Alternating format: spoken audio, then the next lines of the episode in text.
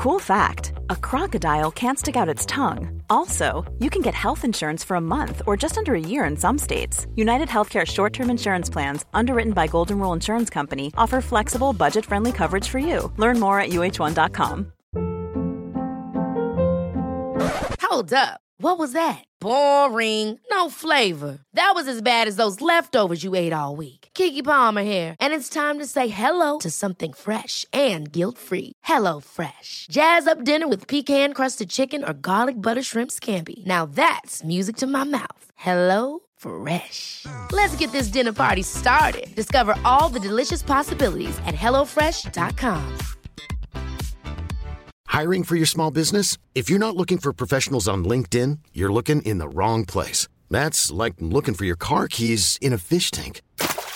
LinkedIn helps you hire professionals you can't find anywhere else, even those who aren't actively searching for a new job but might be open to the perfect role. In a given month, over 70% of LinkedIn users don't even visit other leading job sites. So start looking in the right place. With LinkedIn, you can hire professionals like a professional. Post your free job on linkedin.com slash achieve today.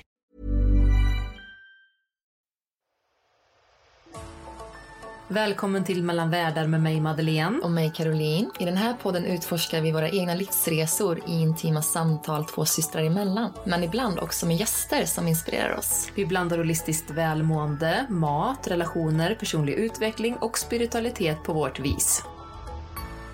Hallå på er allihopa! Hallå på er som lyssnar. Alltså, tänk att det här är vårt femte avsnitt och jag fattar inte. Vi eh, rullar på här. Ja, verkligen. Det känns som att det har gått så fort. Ja, helt sjukt. Mm. Och vi har precis, precis lagt mina barn och sitter nere i, ja, i våran myskällare här i vårat hus. Och Caroline, det är så mysigt att du är här. Vi har druckit lite te och bara myst och att, ja, med barnen och haft det bara gött och gött. Ja, det är så lyxigt att komma hit och få bli serverad mat. Idag var det tacos. Ja, Det var jättegott. var det Mm. det? Mm. Ja, vi, jag försöker ju alltid så här, inte kanske alltid den här traditionella köpetacosen utan försöker tänka ett steg längre när det gäller ja, men, de här traditionella tillbehören och ja, men, göra egna såser och sådana saker. Och det så lyckas du verkligen bra med.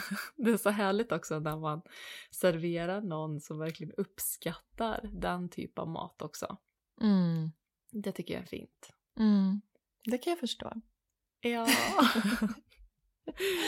och idag så tänkte vi ju prata om mat, kost och ehm, vikten för oss eller vad kosten betyder för oss och eh, vad vi haft för olika erfarenheter kring kosten för vi gör ju helt två olika resor. Helt, Mm. Alltså personliga resor. Det är väldigt intressant att vi är uppväxta i samma hushåll Ja. under uppväxten men ändå har så olika vägar kring kosten. Det är fascinerande skulle jag säga att det kan skilja sig så. Det skiljer ju Mm. bara fyra år mellan oss och ändå är det så olika. Mm. Även med den andra systern också.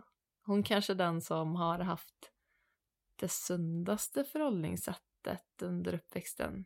Ja, det skulle jag nog säga. Ja, faktiskt. Mm. Det är vi som har varit ytterligheter åt olika håll. Ja men verkligen och hon är ju våran dietist. Mm, ja, men hon, ja, men på riktigt är hon ju det. Mm. Ja. Men jag tänkte så här innan vi börjar prata om det här så vill jag bara säga att jag framförallt och du med, vi pratar ju utifrån våra egna erfarenheter Mm. eh, och sånt som kanske har fungerat för oss kanske inte fungerar för alla andra så att vi känner att vi är ödmjuka precis som vanligt inför det. Vi pratar ju alltid utifrån våra egna erfarenheter i alla våra poddavsnitt.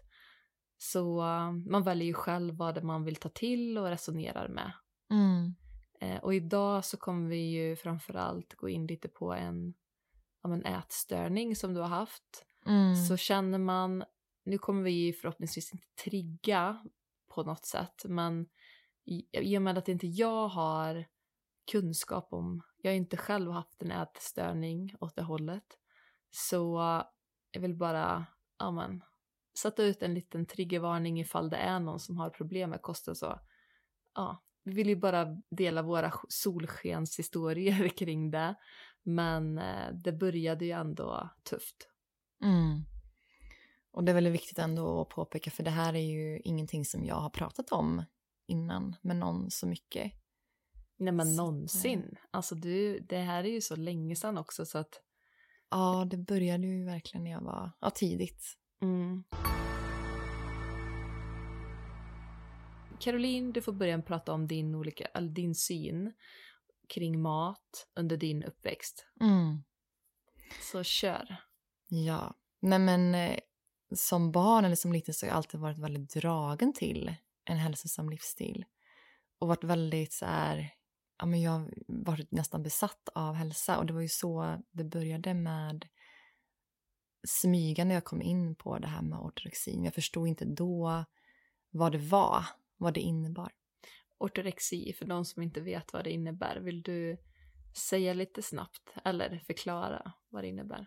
Mm, eh, ortorexi innebär att man blir besatt av att äta hälsosamt och att träna extremt. Så att tankesättet kring maten och träningen blir skadligt. Och det är också intressant eftersom jag ändå strävade efter att vara hälsosam mm. så hade jag en sån skev bild av vad egentligen hälsa var. För jag trodde mm. ju att det var hälsa att vara smal och um, ja, så det var ju jag minns ju mitt behov av att kontrollera maten. Jag var ju väldigt också fixerad av träningen. Mm. Och den blev ju väldigt extrem. Och jag minns det som att eh, ja, men det var som att jag hade en extra röst inom mig. Någon som kontrollerade, någon som styrde, någon som bestämde. Och eh, ja, men de val jag skulle göra, vad jag skulle äta och hur mycket jag skulle äta. Och även påverkade min träning och hur länge jag skulle träna. Jag minns att jag smög ju ofta med träningen för att ingen skulle märka hur mycket jag egentligen tränade. Ja, men alltså när började det här? Jag kommer ihåg att du var väldigt ung. Alltså... Mm, jag tror att det var runt, jag tror till och med började när jag var tio, runt 10-11 år. Det är jättetidigt. För ja. att vara på den tiden så känns det tidigt i och med att det inte är så här, det fanns inga sociala medier eller någonstans som du kunde jämföra dig eller?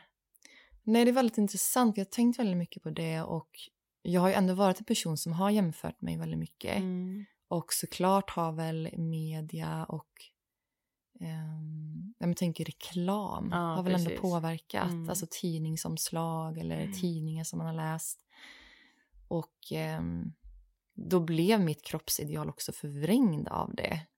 Mm jag trodde också att jag var tvungen att vara smal för att passa in. Jag minns att jag jämförde mig med ja, men tjejerna i klassen i omklädningsrummet. Att de var liksom smala, jag kände mig inte tillräckligt smal. Det här är jag, alltså förlåt att jag avbryter dig nu, mm. men vi kommer ju från en familj där, alltså våra gener, det är ju inte, alltså vi är väldigt långa och mm. alltså långa och ståtliga, inte alltså vi har varit väldigt smala under uppväxten. Mm. Så det är också den självbilden du hade där. Eh, ja, det är ju så svårt att ens föreställa sig.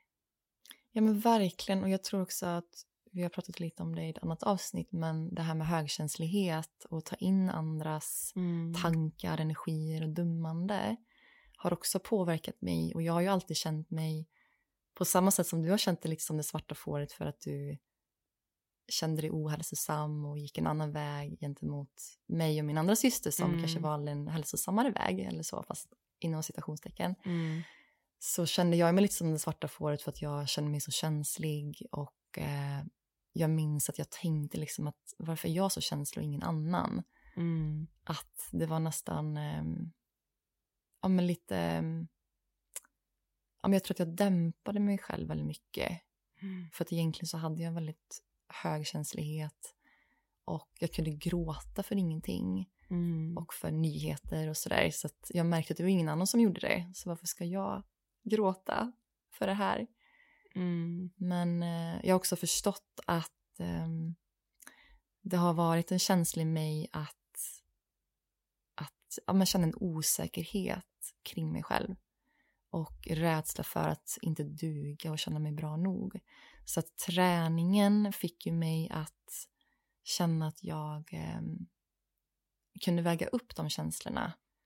Att jag började prestera på det sättet Mm. för att känna mig bra. Så det, grunden har ju legat i en väldigt låg självkänsla och eh, självbild. Mm. Ja, men det har alltid funnits en gnagande känsla i mig att andra är mer kompetenta och bättre än mig själv. Vilket inte stämmer. Nej, precis. Och när man, klart, när man matar sig själv med de tankarna Mm. dag in och dag ut så blir ju det ett mönster. Det blir ju Mm. en övertygelse eller programmering som sitter fast igen. Ja men det är också det här, mm, jag var ju ganska ung då, alltså fyra år äldre än dig, så jag var ju typ 14 när det började för dig. Jag var ju också bara barnet, jag förstod inte riktigt heller eh, allvaret i det som du höll på med. Och jag tror inte att jag blev inbjuden helt i samtalet heller, utan det var ju främst vår mamma som Mm. uppmärksammade det. Men jag minns ju det jätteväl. Mm. Och jag tror säkert att jag kommenterade säkert en del saker också. Mm. Eh, ja men som ni vet så jobbiga stora systrar kan göra. Men man bryr sig ju väldigt mycket innerst inne. Ja, precis. Man visar det på kanske ett sätt som Inte- man gör som Ja, eh, kanske syskon. inte ens hjälper i långa i slutändan. Men det jag tycker ändå är fint för det känns som att du och jag är väldigt, vi har ju pratat otaliga timmar de senaste åren kring hur vi kände under uppväxten och ja, men hela den här resan med din ortorexi och jag tycker ändå att det är väldigt fint för att vi har ju ändå landat i att vi förstår varandra på ett djupare plan än vad vi gjorde för några år sedan. Mm. Det var ju syskonkärlek på en annan nivå när man var yngre. Ja, men samtidigt så upplever jag ju att du och jag aldrig har haft eh, ja, men, mycket konflikter eller så sett. Nej, det kanske vi inte har. Du har ju alltid varit den som velat beskydda Ja, mig Ja. redan som eh, barn. ja, exakt. Lilla syster som jag är. ja, men jag är nog det. Alltså det är väl stora syster syndrom. Men eh, man vill ju all, alltid att alla ska må bra liksom. Mm. Så är det ju. Ja, men verkligen. Mm. Och jag kan tänka mig också att um, alltså ni kände ju säkert av den energin att jag inte mådde så bra under den tiden. Och då kanske Mm. man inte heller vet hur man ska bemöta det när man själv är barn. Alltså när man Nej själv men är... gud, nej absolut inte. Alltså nu när man är vuxen, jag menar, nu är vuxen, nu är jag vuxen. Eh, vid 37 års ålder. Men man lär ju sig hela tiden. Mm. Och jag kan ju tänka tillbaka på situationer typ under gymnasiet som jag känner så här. Men varför agerade jag inte annorlunda i den här situationen? Men man visste ju inte bättre. Man hade inte de redskapen som man har idag. Nej. Och det är ju annorlunda. Mm. Men om du fortsätter, vad, vad var det liksom, hur, hur utspelade det sig för dig? Mm, när vändningen kom, tänker du? Ja, när, Mm. eller vad, ja, både, både med vändningen men också, var det något specifikt som startade eller gjorde så att det avslutades eller, och när? Hur många år hade du det? Jag har för mig att det inte höll på så superlänge. Som det kan göra för vissa. Ja, men precis. Jag minns faktiskt inte exakt. Jag vet att det dröjde nog, några år. Och det skedde nog successivt över tid. Så Mm. det känns inte som att det var en sak som bidrog till förbättringen utan det, det jag minns var ju att det var påtryckningar utifrån, både från familj eller mina föräldrar, Mm. eller våra föräldrar och eh, skolan reagerade ju till slut också. Mm. För att jag, eh, jag åt ju bara sallad i skolmatsalen. Mm. Som mattanten reagerade ju, ska du inte äta potatis? nu skrattar jag åt att mina kompisar kallar mig för carrot, kanin. Så att jag åt ju väldigt mycket sallad. Det var ju, inget, det var ju egentligen inget fel i det. Jag mådde ju väldigt bra Mm. på att äta så mycket sallad. Men jag behövde ju få i mig andra saker också givetvis. Mm. Så att um, lärarna reagerade och den här hälsokurvan man följer hos um, skolsköterskan, den Mm. sjönk ju bara. Så att det, det ringde ju lite klockor där. Och eh, jag tror att mamma blev kontaktad av lärarna. Så att jag blev ju kallad att gå till en dietist. Mm. Ehm, men ehm, jag vet inte, jag försökte nog jag förstod nog att det inte var bra till slut. För jag har alltid varit intresserad av att läsa på mer om träning och hälsa. Så till slut så läste jag nog att, ja men gör så här. Jag minns till exempel att jag läste om jordnötter. Mm. Att det skulle vara bra för att det var mycket proteiner i. Så då smakade jag i, i då åt jag upp en hel påse. Oh, med såna här skalade jordnötter som man sitter och skalar. Mm. Bara för att jag hörde att det var nyttigt så skulle jag äta upp hela påsen på samma gång. Herregud. Mm. Så att det kom successivt. Jag försökte nog hitta en balans i det till slut. Så det var som att jag fick liksom den ena polariteten. Så var det som att jag ville testa på hur det var att bara äta. Alltså jag jobbade ju en tid inom servicebranschen eller restaurangbranschen så att det var ju mycket god mat och kakor och godis och då testade jag på liksom att äta mycket av det. Men att hitta balansen i det, att gå från en polaritet till en annan och sen faktiskt... Så min resa har ju handlat om att hitta det och jobba med mitt inre. Mm. Mm, liksom förstå vad min låga självkänsla beror på, varför jag liksom vill straffa mig själv genom att äta lite och träna extremt. Men jag har ju också alltid älskat att röra på mig. Det är någonting som jag gör. Alltså jag rör ju på mig fortfarande för att det är liksom skönt mm. och känns bra såklart. Mm. Men det var ändå i många år som jag kände att jag rörde på mig för att det fanns en känsla av att prestera i det också. Mm. Och jag vet inte hur mycket det var skolan som påverkade, hur mycket det var hemma som påverkade. Det var säkert... En kombination man, kanske? En kombination, ja. För det, det är mycket det här att man ska, um, gymnastiken i skolan, man ska prestera, man ska få bra mätvärden och betyg. Mm, precis. Så man försöker liksom keep up med det.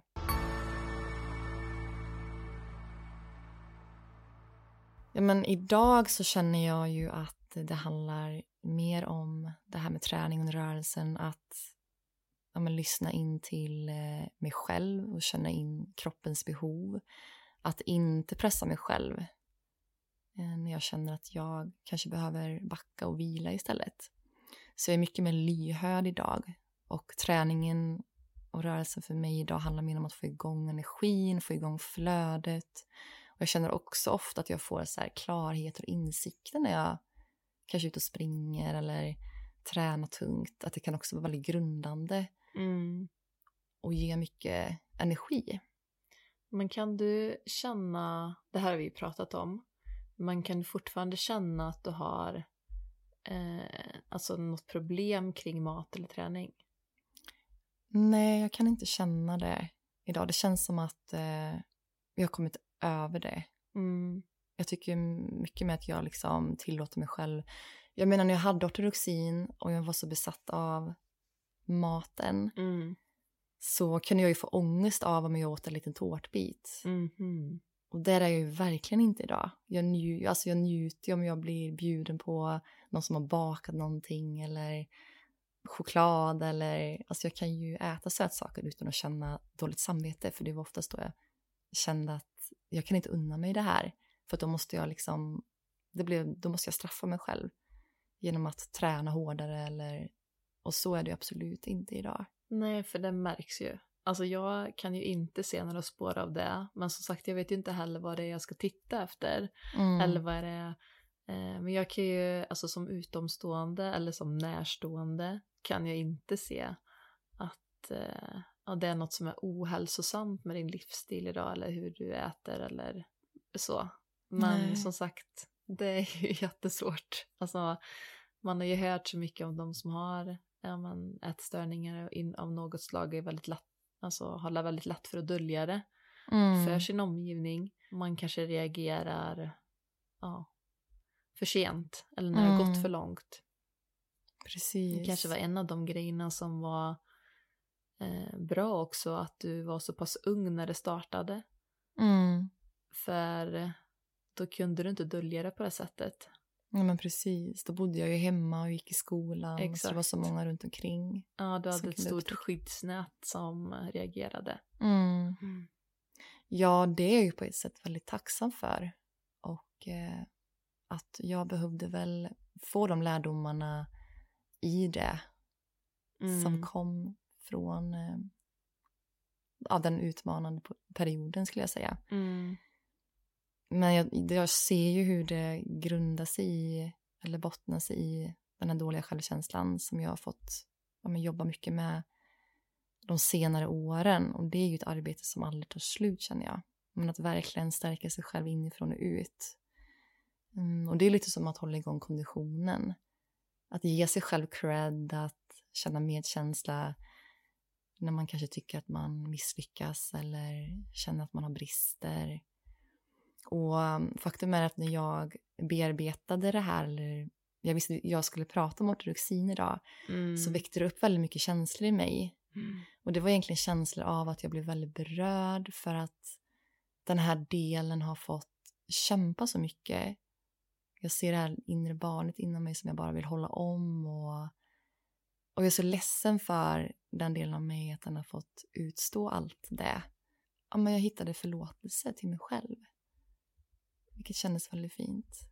Ja, men jag tänker också, eller när jag ser den resan som du har gjort så märker jag ju skillnad. Att du är mer trygg i dig själv och du tar motgångar på ett annat sätt och alltså kan prata om det. Och jag tänker också så här, det är jätteviktigt att vara snäll mot sig själv. Men också viktigt att man kan dela med sig av det. Så mm. att man också mm. kan hjälpa och stötta andra i samma situation. Mm. Och se att det finns en utväg. Man kan tillfriskna och verkligen slå sig fri. Mm. Från de här sakerna som man har ja, man levt i som inte har varit så bra. Mm, verkligen. Det känns som att man hålls fast i bojor. Mm. Och ja, det tar, det tar tid. Om man är i det. Och... Men det är fint att du delar. Mm, tack. Mm. Ja, Madeleine, hur har din resa kring kosten varit för dig? Ja, den har ju varit det motsatta. Mm. Kan man ju säga.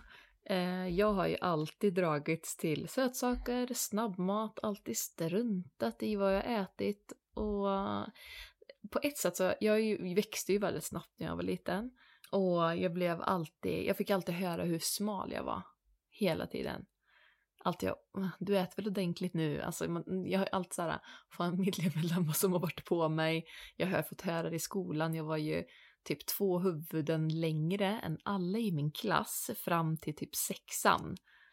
Så jag har alltid så här, försökt göra mig mindre. Ja. Ja, då var vi två. Den upplevelsen hade jag också.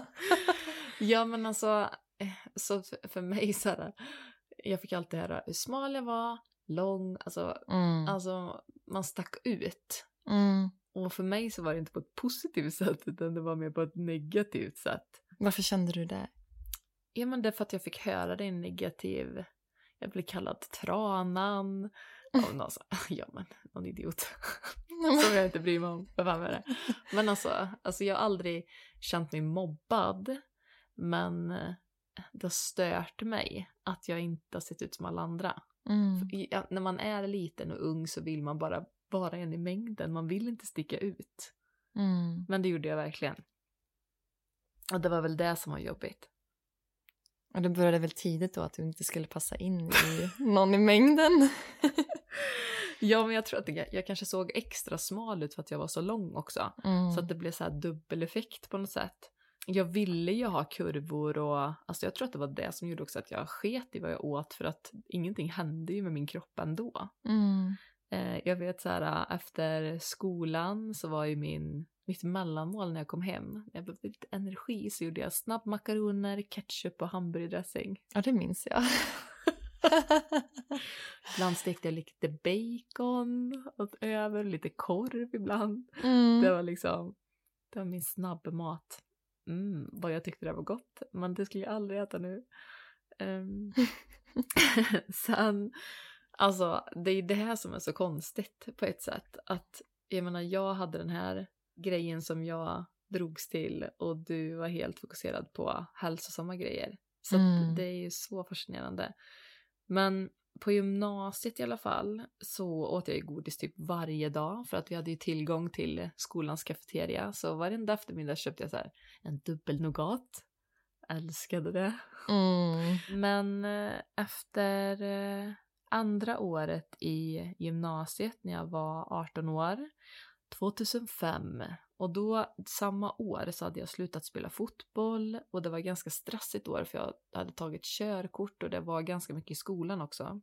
Jag minns så väl att jag började springa på toaletten, att jag behövde gå på toaletten mycket oftare.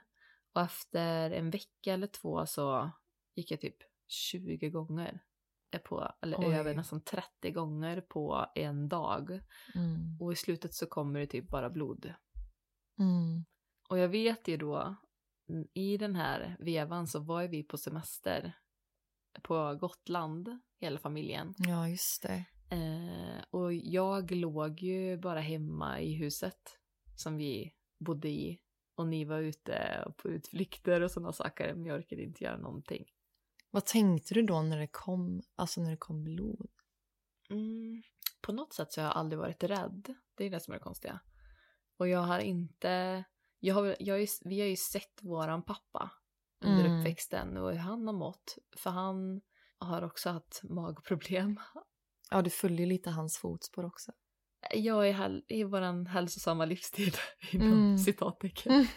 Vi, är, vi, jag och pappa är de som är mest lika när det gäller Mm. det mesta tänkte jag säga. Kosten eller ja, överlag synen på vad man stoppar i sig då sett, alltså Mm. under uppväxten. Eh, läkarna misstänkte ju att det var salmonella, men jag kände ju på mig att, jag ska, att det var pappas sjukdom som jag hade fått. Mm. En eh, autoimmun tarmsjukdom som heter ulcerös kolit och själva sjukdomen sitter ju i tjocktarmen och det är immunför, im, immunförsvaret som angriper sig självt. Eller ja, immunförsvaret som angriper min egen tjocktarm. Mm.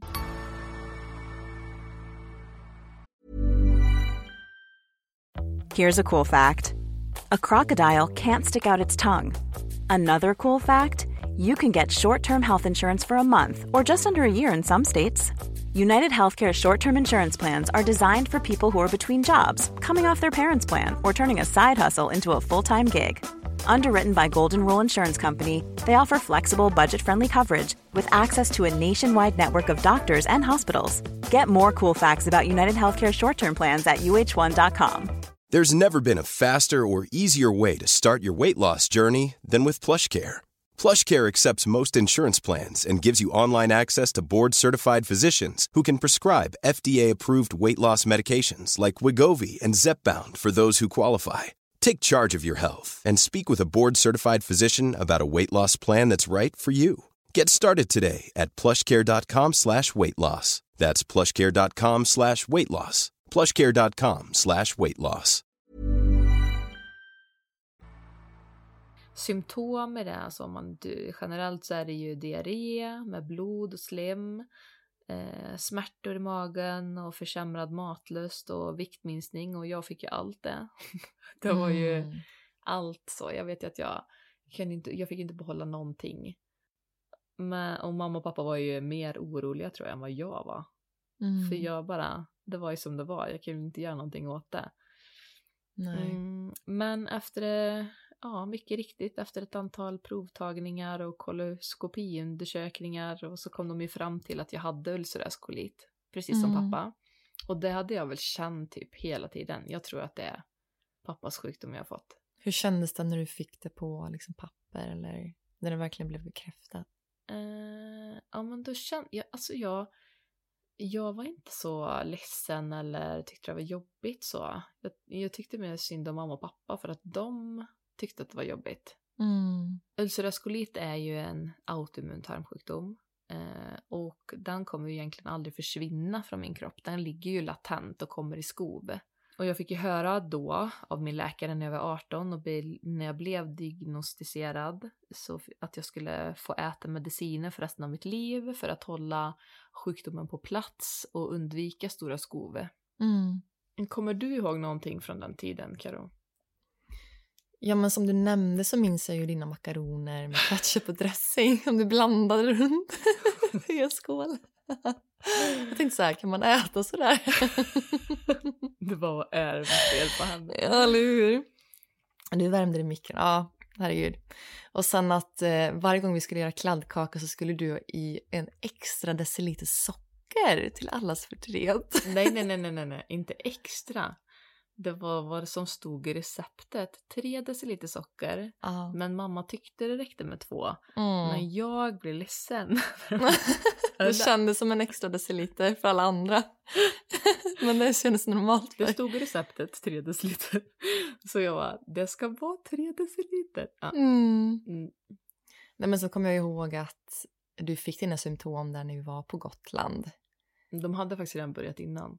Ja, och det var då det liksom blossade. Men det var nog på, på där som det, det blev värre och värre hela tiden. mm. Det är det ju. Mm. Men jag har också minnen när vi kom hem därifrån. Jag vet inte om farmor och farfar var hemma eller någonting. Mhm. Och att du var, ja, men du var ganska uppgiven. Det var någonting, du var ledsen över någonting. Mhm. Men det kan ju varit senare under Mm. sjukdomsperioden också. Jag hade det väldigt jobbigt när jag, innan jag skulle göra koloskopiundersökningen. Mm. Eh, för det var typ det värsta jag gjort. Alltså jag tycker, alltså visst, alltså själva undersökningen, och nu ska vi berätta vad en koloskopiundersökning är för de som Mm. inte vet. Man, det är när man går in i tjocktarmen med en kamera och en slang typ eh, och tittar hur det ser ut och tar prover.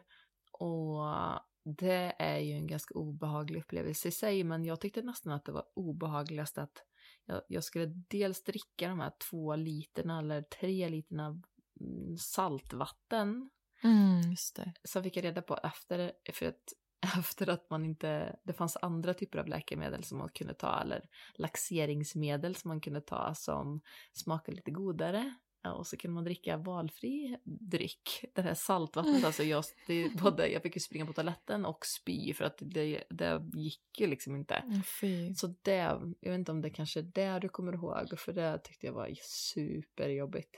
Ja, det låter ju verkligen ångestframkallande. Så att ja, det kan nog vara det jag kommer ihåg. Ja. Men annars är det intressant för att det var ju en tid där vi båda tampades med någonting egentligen. För jag var Ja. 14 år då. Då var jag ju mitt i, i min Exakt, liksom... och jag var 18. Mm, Och det var ju då jag fick min diagnos. Och det var ju nästan då som sjukdomen var som värst också. mm. Så jag tror att vi hade våra saker och vi var kanske mycket i våra egna Exakt. världar liksom. Ja, det kan nog ha varit så. Mm. Men ehm, jag vet ju att jag fick börja ta ja, flera doser med eh, kortison för att dämpa inflammationen i tarmen. Jag jobbade inte så bra av dem. Jag vet inte om det är någon som lyssnar nu som har ätit kortison i höga doser eh, för vätskan i kroppen. Men jag, fick ju bristningar överallt. alltså på knän, på rumpa, eh, lår och sådana saker. Huden tunnas ut. Men också att mitt ansikte svullnade ju upp jättemycket. Mm. Och jag kände inte igen mig själv riktigt. Det, det tyckte jag också var jobbigt. Mm. Ja, för du hade ju de bilderna på din bal, kommer jag ihåg. mm, studenten, för då hade jag fått precis ta en till kortisonkur vet jag innan. Och läkarna sa, så- eller läkaren sa så här, men det är ingen fara, din, din svullnad kommer gå ner innan dess. Nej, det hade den inte Så gjort. sa de det. ja. Ja. Men eh, ja, det var inte så kul. Och sen vet, alltså, sen vet jag också att jag höll på, du vet, eh, man, kunde, ä- man kunde ju ta de här tabletterna och det är klart att det påverkar hela kroppen, men sen kunde man även ta en vätska. Jag vet inte om du kommer ihåg hur de såg ut, men det var typ som en plastflaska med en lång pip Mm. som man liksom fick Stoppa upp. stoppa in. Och det var ju inte grejen, du kan ju inte liksom gå in på toaletten och, och stoppa in eh, och sen gå och lägga dig. Utan då hade ju allt bara forsat ut. Så man fick Aha. ligga i sängen. Och det var väldigt viktigt att man låg på högersidan och sprutade in. För låg man på vänstersidan då rann ju allt ut. Det här kanske är känsliga lyssnare som blir varnade här nu. Nej, men alltså, det är klart att det var en struggle. Alltså jag ska inte Mm. ljuga. Det är klart att jag tyckte det var jobbigt. Men jag försökte alltid tänka positivt.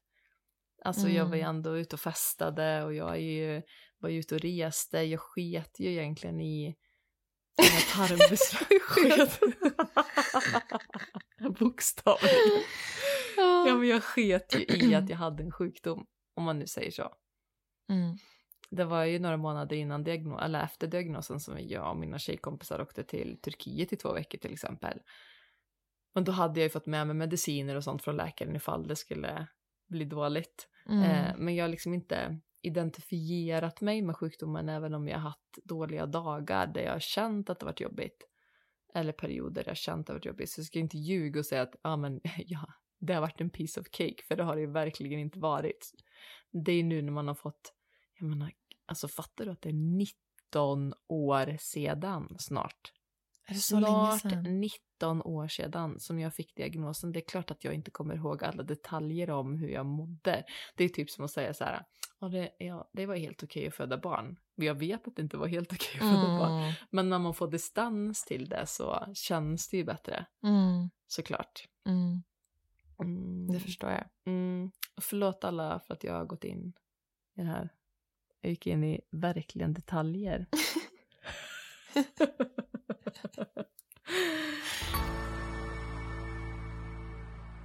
Sen när man är klar med de här kortisonkurerna och sådana saker, oh. när man har fått ordning på tarmen och den har lugnat ner sig så ska man ju äta underhållsmediciner då.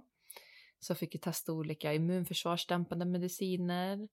Eh, och så för, jag började med en eh, medicin som heter Azathioprine eller Imurel som man fick gå och ta blodprover var tredje månad för att se så att det inte påverkade levern negativt.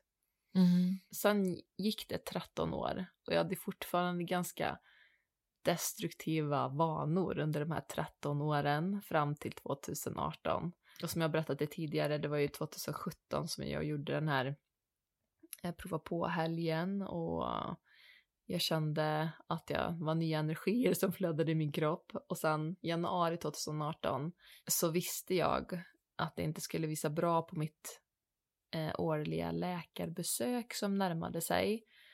För under hela typ år 2017 så det var till och från som jag hade, alltså som, som det blödde ut tarmen så jag mådde ju inte bra. Och jag var Nej. ju inte pigg men jag, ja, tänkte liksom, försökte tänka positivt. När jag, jag har egentligen inte heller ätit annorlunda sen jag fick sjukdomen, alltså de här 13 åren, mer än att jag slutade dricka mjölk när jag var 18. Mm. För det var det enda kostrådet som jag fick av min läkare. För det hade de se, sett att det störde i tarmen då. Men sen också efter några år så testade jag att äta glutenfritt efter en eh, kollegas påtryckningar. Mm. Men som sagt då, när mitt årliga läkarbesök närmade sig så um, kände jag nej, alltså nu måste jag, måste jag göra förändring. Då kan jag inte ändra någonting. Så efter provtagningen och innan läkarbesöket så läste jag på om att basa kroppen och om periodisk fasta för att få tarmen skulle få en chans att återhämta sig. Och jag började äta annorlunda två dagar innan läkarbesöket. Och när jag väl var där, så mycket riktigt, så såg mina prover inte så bra ut. Mitt inflammationsvärde i tarmen, alltså mitt kalprotektin tror jag det heter, låg på 963 och normalvärdet är under 50. Så min läkare sa att han ville att jag skulle börja äta kortison igen, men jag kände bara nej, jag vill absolut inte se ut som en badboll igen i ansiktet. Nej tack. Nej, det är förståeligt. Ja, så det slutade i alla fall med att han skrev ut en annan medicin som han ville att jag skulle börja äta. Eh, men jag hämtade aldrig ut den. Eh, jag försökte säga till honom också så här, jag vill testa en sak, skulle jag bara kunna få testa den här grejen? Men han var väldigt positiv med att jag skulle äta ny medicin, Mm. eller till medicin. Jag hämtade aldrig ut den, utan dagen efter så ringde jag min sköterska och frågade henne om jag kunde få lite tid på mig att läka själv.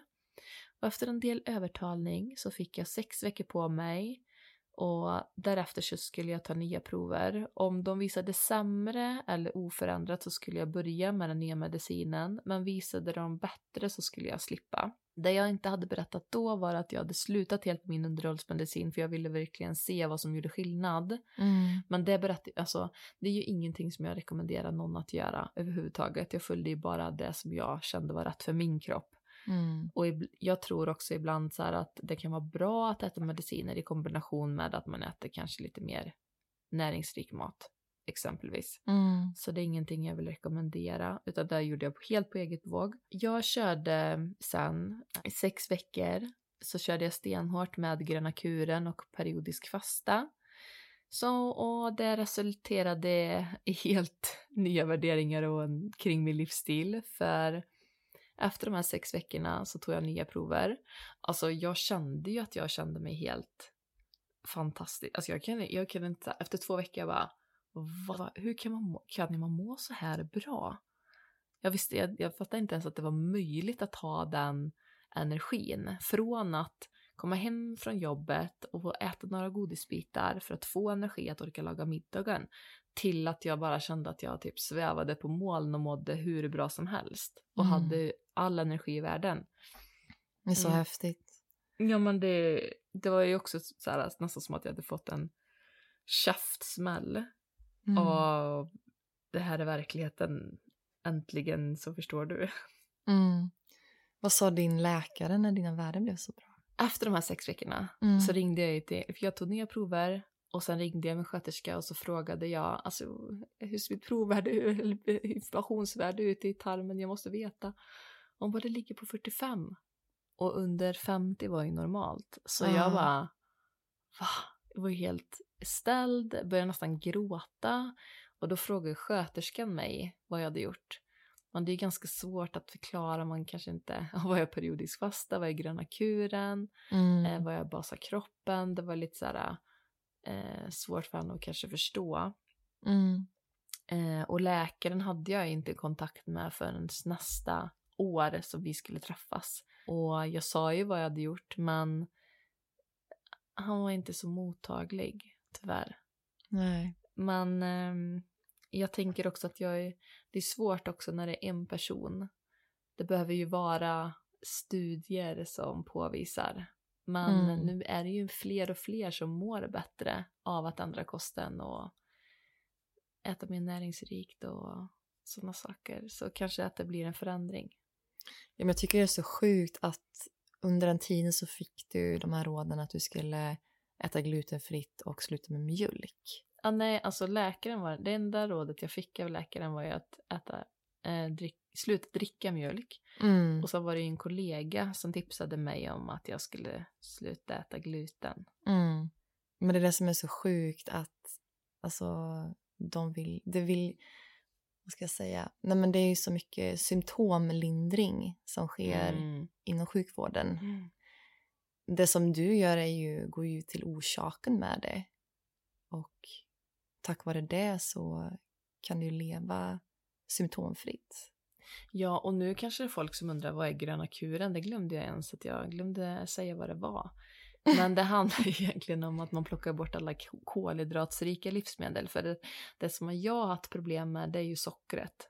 Mm. Alltså jag har ju varit en riktig sockerrotta. Alltså mm. snabbmat och socker har ju varit min mm -mm, best friends.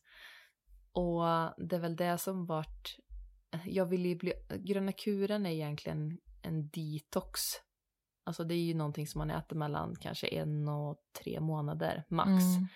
För att detoxa kroppen ifrån ja, men, sötsug, energidippar, hormonrubbningar, eh, candida och liksom alla så. Jag vill ju bli av med mitt sötsug men också basa kroppen. Vilket också gröna kuren gör. Och det man gör är att man äter endast gröna grönsaker kvalitativa fetter som kokosolja, extra virgin olivolja, ghee eller smör. Eh, nötter och frön är också tillåtet såklart. Och eh, även ja, man, kvalitativa proteiner. Allt ska vara rent från tillsatser och eh, färgämnen och alla olika e-ämnen som finns. Mm. Eh, så rena livsmedel som möjligt. Eh, och det var det jag åt under de här sex veckorna. Så det var ju väldigt strikt kost kan man säga. Mm. Men det gjorde ju underverk när jag blev av med alla symptom. Och ja, det var en fantastisk känsla. Mm. Ja, och detta resulterade ju i att sedan januari 2018 så håller jag mig numera medicinfri tack vare min kost och övrig livsstil. Så varje gång jag känner en obalans i min mage som kan yttra sig på många sätt, till exempel efter en stressig period, jag känner typ att jag börjar bli trött eller sover sämre eller vad det nu kan vara, så börjar jag äta mer en basisk kost som gröna kuren. Och sen har jag aldrig, alltså sen dess heller utvecklat något regelrätt skov.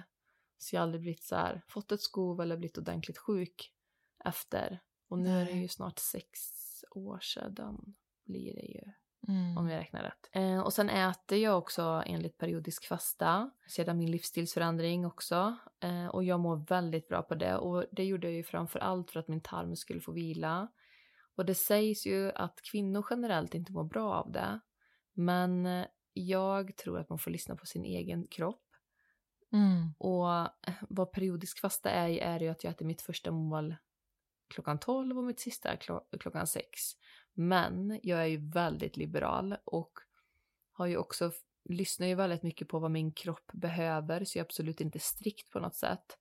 Är det till exempel en viss period i månaden innan mens eller vad det nu kan vara så då kanske jag är hungrig vid halv elva. Det är klart att jag äter då. Mm. Så jag lyssnar på kroppens signaler och tar ett snacks på kvällen ibland. Jag är inte strikt överhuvudtaget på det sättet men eh, när det gäller klockslag. Men jag försöker få min fasta för att må bra i alla fall. Mm. Nej, men jag tycker det är så fantastiskt att se, för att jag märker verkligen skillnad från den person du var för ja, innan eh, din livsstilsförändring och den personen som du blev. Eller ja, du är ju samma men... jag tänkte vad är det som har förändrats? Du tänker typ hur jag äter eller att jag bryr mig om. Nej men alltså din energinivå. Mm. Att du liksom, du har sån utstrålning och du lyser och du har energi och du är verkligen här för att sprida den energin och den livsglädje som du bär inom dig och som får komma fram mycket mer när, eh, ja, när du lever i den här, den här livsstilen som du ändrade till. Mm. Det är intressant att du säger det, för jag har alltid identifierat mig med, alltså som en människa med mycket energi. Mm. Och jag tyckte ändå att jag hade mycket energi fast jag var sjuk i grunden mm. och inte hade, alltså för att det gick åt ganska mycket energi för att kroppen skulle läka eller hela tiden också försöka läka. Men sen när man läkte och verkligen så här, ah, men gud är det så här mycket energi jag har? Mm. Då blir det ett uppvaknande i sig. Mm. Och sen så är det ju också så att det är ju aldrig för sent att göra en förändring i sin livsstil. Och sen kosten är ju bara en del och det var ju där det började för mig. Och det finns ju olika andra delar i livsstilen som är lika viktigt för att få en balans. Och man brukar ju prata om någonting som heter hälsans fyra ben. Där man delar upp sömn, kost, motion och vila. Att man ser det som ett bord och är det något i benen som är i obalans så står bordet ostabilt. Men för mig och dig, och det vet jag ju också, så är ju mm. hälsa så mycket större. Det är ju som vi har pratat om innan, kärleken till en själv. Det är ju tankarna man tänker, människorna man vistas runt och det är ju en precis lika viktig del för att må bra. Ja men verkligen. Och um, ja men kroppen är ju också själens boning och allting, ja, allting som det tillhör. Mm. Och det mm. påverkar ju så mycket i våra liv. Mm när vi, ja, men både med kosten, när vi får sova bra, när vi umgås med de människorna som är rätt för oss att umgås med. Och de tankarna vi tänker. Mm. Hur det också kan hjälpa oss att höja vår frekvens och medvetandenivå. Mm. Absolut. Mm. Jag tror ju också att mycket av dagens sjukdomar grundar sig i stress. För jag märker ju det att jag klarar av stressen mycket bättre nu när jag äter på det sättet som jag gör. Skulle jag stressa lika mycket och sen strunta i vad jag äter, då hade det ballat ur helt totalt. Så jag är mm. mer stresstålig nu. Men stress överlag i det här samhället är ju, ja, det är en viktig del att ha kontroll över i sin livsstil. Och ibland behöver man ju göra stora förändringar i livet för att må bra, för att reducera stressen i vardagen vilket vi båda har gjort. Men det handlar ju om att verkligen lyssna inåt, som vi har pratat om innan. Mm. Och lyhörd till sina behov. Verkligen. Och att lyssna på kroppen och sin intuition är något som vi kommer prata om i nästa avsnitt. Mm. Det kommer bli spännande. Jag vill bara säga det också att ja. det är så fint att, eh, Alltså se den här eh, förändringen hos dig och den resan som också bidrar till att du får hjälpa så många andra och inspirera. Det är så himla häftigt att se tycker jag. Och jag tror ju verkligen att det är en del, eller meningen med livet, att ja, men, omvandla våra utmaningar, de motgångar vi går igenom till medgångar och en, till en gåva som vi kan ge och bidra till andra som brottas med samma saker. Ja, alltså det är ju intressant att du säger det för att det är ju min drivkraft. Mm. Det var ju jättejobbigt för mig för 2018 där eh, i början av året som jag gjorde livsstilsförändringen och sen någonstans hösten så gjorde jag ju mina sociala medier offentliga för att jag skulle kunna sprida ett, alltså mitt budskap och min sjukdomshistoria fast som har blivit en frisk resa. Mm. Um, och det gjorde jag ju bara med syftet att kan jag inspirera en enda människa till att må bättre så är det värt det. Och så nu, typ fem år senare så, ja, inspirerar många människor. Ja men jag kommer ihåg att du var ju frälst. ja. Den här förändringen bara tog över dig. Mm. Och det var ju också intressant. För det eh, såg ju ett motstånd i mina familjemedlemmar från att vara det här svarta fåret mm. i familjen. Svarta matfåret. svarta matfåret tillsammans med pappa till att vara helt plötsligt väldigt medveten. Mm. Eh, och därifrån gick det väldigt snabbt med allt. Mm. Plastbantning och det var ju också som att intuitionen också blev mycket starkare. Och mm. det här uppvaknat som vi, uppvaknandet som vi pratade om i tidigare avsnitt. Mm. Mm. Verkligen. Men det har varit väldigt, väldigt intressant och spännande att lyssna på din resa. Ja, men detsamma. Mm. Nästa vecka kör vi då på, går igenom lite intuitionen och hur vi gör för att lyssna på den. Mm, det gör vi. Tack så mycket allihopa. Ta hand om er så länge. Ta hand om er. Kram, kram. Kram, kram. Hejdå. Hej.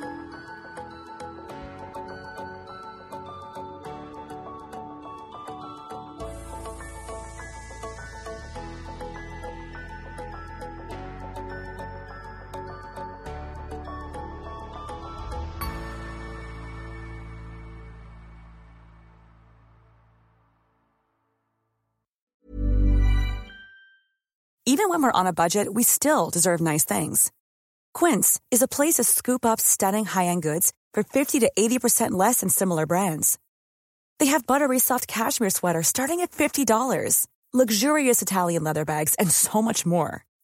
Plus, Quince only works with factories that use safe, ethical, and responsible manufacturing. Get the high-end goods you'll love without the high price tag with Quince. Go to quince.com/style for free shipping and 365-day returns. Imagine the softest sheets you've ever felt. Now imagine them getting even softer over time. That's what you'll feel with Bowl and Branch's organic cotton sheets. In a recent customer survey, 96% replied that Bowl and Branch sheets get softer with every wash. Start getting your best night's sleep in these sheets that get softer and softer for years to come. Try their sheets with a 30-night guarantee. Plus, get 15% off your first order at bowlandbranch.com. Code BUTTERY. Exclusions apply. See site for details. Hi, I'm Daniel, founder of Pretty Litter. Cats and cat owners deserve better than any old fashioned litter. That's why I teamed up with scientists and veterinarians to create Pretty Litter. Its innovative crystal formula has superior odor control and weighs up to 80% less than clay litter. Pretty Litter even monitors health by changing colors to help detect early signs of potential illness. It's the world's smartest kitty litter. Go to prettylitter.com and use code ACAST for 20% off your first order and a free cat toy. Terms and conditions apply. See site for details.